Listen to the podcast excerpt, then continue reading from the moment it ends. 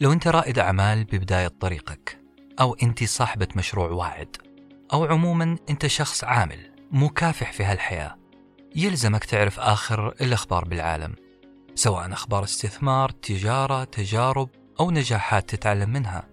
قصص عن شركات يمكن ما تكون سمعت فيها من قبل وعشان تكون مطلع دايم على هالأمور ولا تغفل عن خبر يمكن لو عرفته ما تكون خطيت الخطوة الفلانية. لازم تشترك في جريد.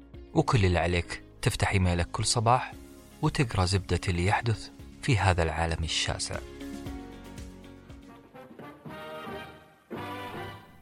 سنتكلم اليوم عن كاسيوس كلاي الملاكمة المعروفة ال...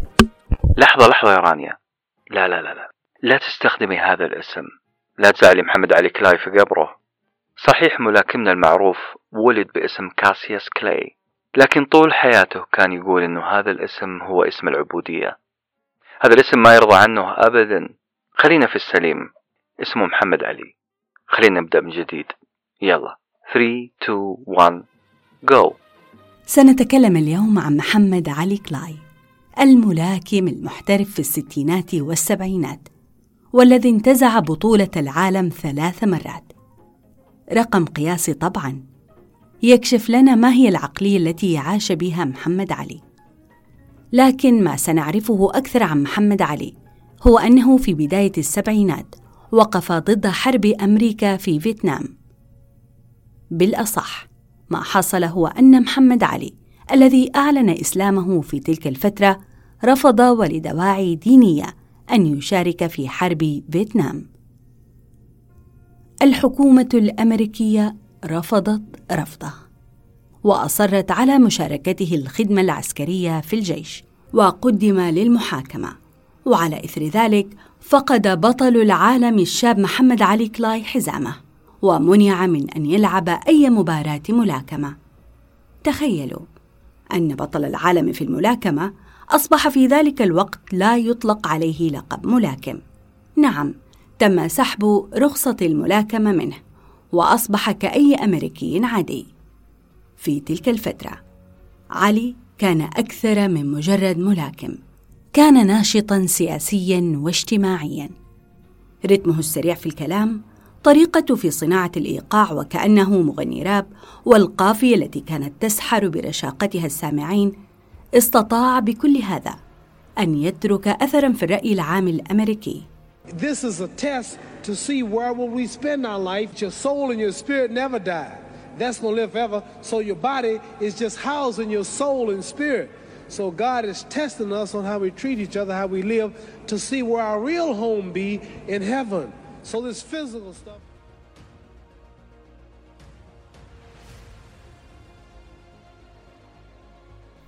كان محمد علي هو نجم الترفيه والرياضة الأول في الولايات المتحدة الأمريكية. ورغم ذلك رفض المشاركة في حرب فيتنام. كان قرارا خطيرا. ببساطة لأنه يضع مجده شهرته شعبيته بطولاته في كفة. وإلا السجن عشر سنوات والإيقاف من الملاكمة والتشرد بدون شك بعدها. خيارين أي عاقل سيختار فيهما الأول ولكن علي اختار الثاني السجن والإيقاف واحتمالية التشرد وهنا يظهر سؤالنا ماذا لو وافق علي على الذهاب إلى الحرب في فيتنام؟ ما الذي كان سيحصل؟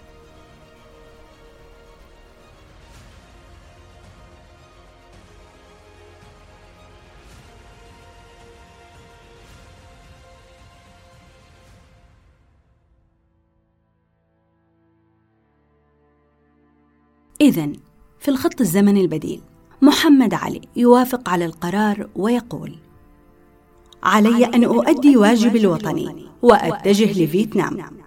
لكنه وللأسف يصاب بطلقة أو طلقات في يده اليسرى اليد التي تطلب لكمات الجاب المتواصلة والمقلقة للخصوم. وطبعا لن يستطيع إكمال مسيرته في الملاكمة فيتجه لهوايته الأخرى الخطابة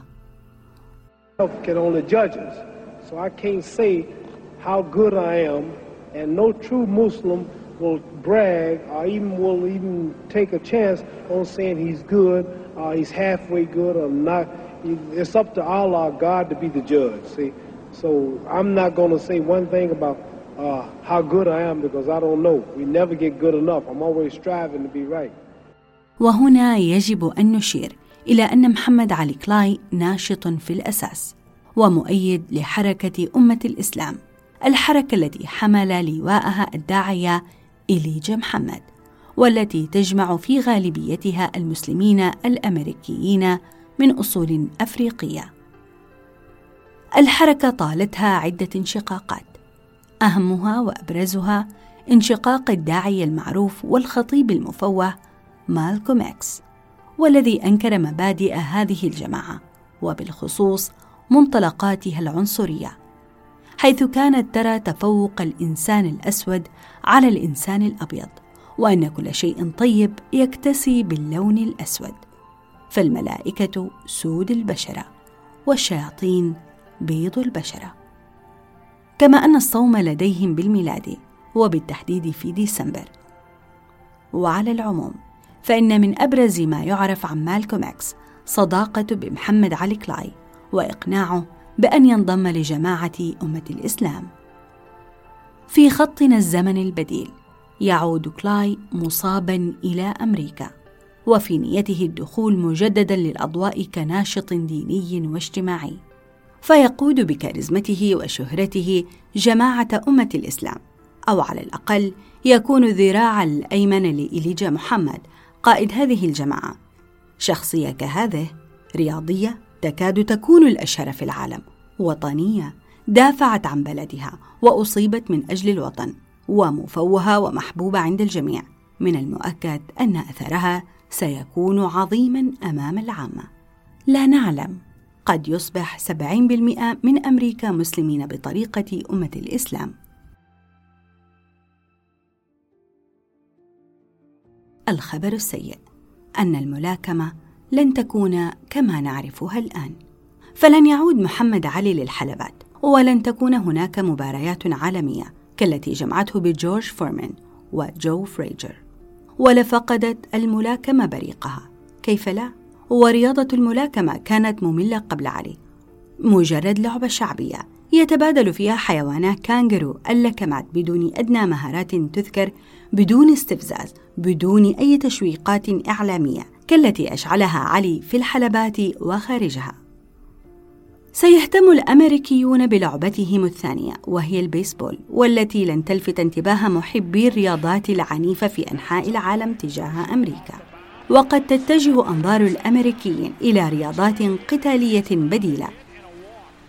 هل ستكون لعبة الكاراتيه أو الجودو؟ غالبا ستكون العابا قتالية أخرى كالكيك بوكسينج وهنا تفقد أمريكا واحدة من أهم منابرها الإعلامية وتصدير ثقافتها وتتجه الأعين إلى الشرق قليلا مثل روسيا والصين واليابان. أو على الأقل ستكون هذه الدول هي وجهة محبي الرياضات العنيفة وأثر ذلك سيكون كبيرا في الحرب الباردة بين الشرق والغرب. لو عاد علي مصابا فلن نسمع عن سلسلة أفلام روكي والتي صنعت معجزة وسط الشباب الأمريكي وأصبحت أحد أكثر الأفلام الرياضية الهاما للشباب متوسط الإمكانيات ولكن عنيد الإرادة. المباراة التي لا يعرفها الكثير بين محمد علي وملاكم أمريكي أبيض بدين بطيء الحركة. كانت أشبه بمسرحية هزلية عند الكثير. فعلي أسرع أقوى أذكى بينما ويمبر بطيء جدا. ولم ولن ولا يتوقع أن يفعل شيئا أمام العملاق علي. ولكن ويبنر في الجولة أرسل قنبلة إلى قفص علي الصدري ليسقطه على أرض الحلبة.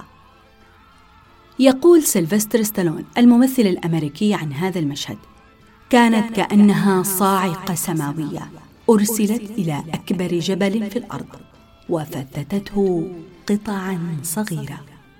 كان هذا المشهد أمامي كافيا بأن أبدأ سلسلة أفلام روكي بقناعة كاملة. وفعلا هذا ما حدث. وأنتج فيلم روكي والذي حقق الجائزة تلو الأخرى وأهم من ذلك حقق قناعة في نفوس الأمريكيين بأن تسجيل لحظة إنجاز هي بحد ذاتها حلم يجب تحقيقه وبالتأكيد ممكن تحقيقه